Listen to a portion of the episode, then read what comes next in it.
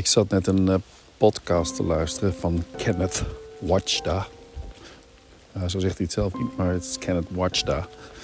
From um, Colorado. Ik weet niet precies waar in Colorado, maar een, een professional photographer in Colorado. Kenneth Watchda. B-A-D-J-A. Watchda, geloof ik.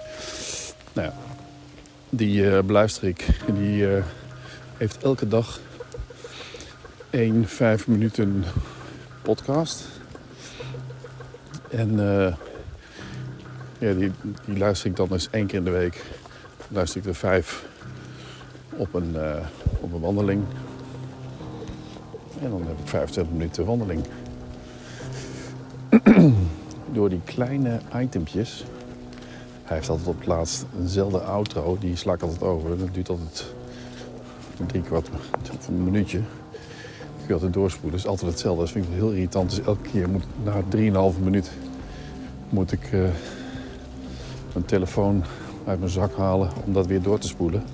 En nu regent het. Dus nu is het helemaal vervelend. Maar goed, uh, dat is een klein dingetje. Elke keer hoor je weer een uh, nieuw onderwerp wat hij aansnijdt over professional photography.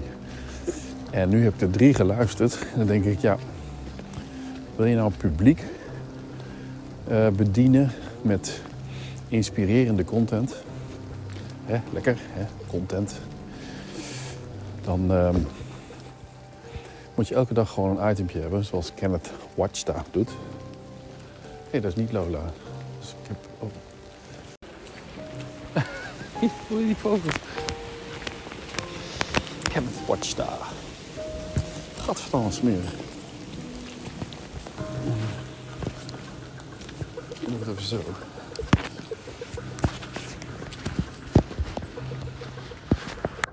Dat wordt knippen. Op 2-3 ongeveer. Goed zo, Lola. Oké, maar hij heeft elke keer dus een item.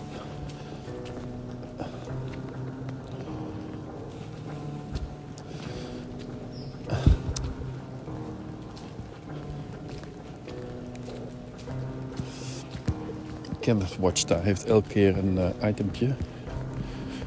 En daar praten we dan over. Ik heb er nog drie geluisterd, net. En uh, waar ging het eigenlijk allemaal over? Kijk, dat weet ik allemaal niet meer. Ja, onder andere over dat je je foto's moet printen. Want op een printje kun je een verhaaltje schrijven. En toen dacht ik van, ah, dat lukt ook wel in Instagram. Kun je ook een verhaaltje onderschrijven. Dus die vliegen gaat niet helemaal op. Maar hij heeft wel een beetje gelijk als je zegt... als je mooie prints maakt en die wil je bewaren... dan kun je daarop gaan schrijven op de achterkant. Vertellen wie erop staat. En mocht dat nou je, je great-grandfather zijn die je nooit hebt ontmoet... dan gooi je die toch niet weg. Omdat je weet wie erop staat. Misschien luister je hem wel in of laat je hem ingeluisterd. En zet je hem op je desk neer. Dat is een goeie. Kijk, zo'n klein itempje, zo'n tipje. Eigenlijk zijn het allemaal tipjes. Of inspiratietjes. Hij legt ook gewoon dingen uit waarom hij op welke manier foto's maakt. Hè, de derde itempje wat ik geluisterd heb ging over RAW. Dat je geen RAW pictures moet leveren aan een opdrachtgever. Want daarmee zeg je eigenlijk ik ben niet professioneel genoeg. Of ik ben niet professioneel. Want een professional zegt niet dat hij zijn raw files gewoon maar levert. Een professional maakt zijn werk af. En het proces van fotografie is ook het proces van editing en afleveren en dergelijke. Het is ook niet zo als je chef bent. Hoewel het nu wel. Nou ja, het is niet zo dat je als je chef in de keuken bent. je alle ingrediënten geeft aan degene, aan de klant en zegt van hier, dit zijn de ingrediënten, doe het. Nee, je bent de chef die het gerecht maakt. Die alles maakt op een bepaalde manier. En zo doet de fotograaf het ook. Dus je levert pas als je helemaal klaar bent. En uh, je verantwoording hebt genomen voor een goede foto. Dus nooit raw files leveren. Dat is ook een dingetje. En eh, de eerste waarvan ik dacht, de eerste aflevering, daar ging die ook alweer over. Kan ik zo opzoeken?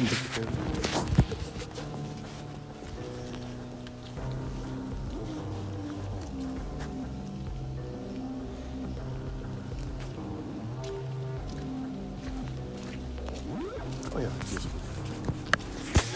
Kan ik het vergeten? Maar het gaat over ehm, het verschil tussen het verschil tussen eh, foto's maken of een fotocamera ter hand nemen als er speciale dingen zijn, zoals een verjaardag of een bruiloft of een weet ik veel wat, tegen het ter hand nemen van een, foto, van een camera. eh, of eigenlijk altijd een camera om hebben. Of een camera in je hand hebben. Omdat het leven je overkomt. Dus je gaat een kopje koffie drinken ergens, camera mee. Camera in je hand. Je legt gewoon dingen vast. En eh, je komt weer een andere, ander event tegen, andere gebeurtenis. Je legt dat vast. En ehm,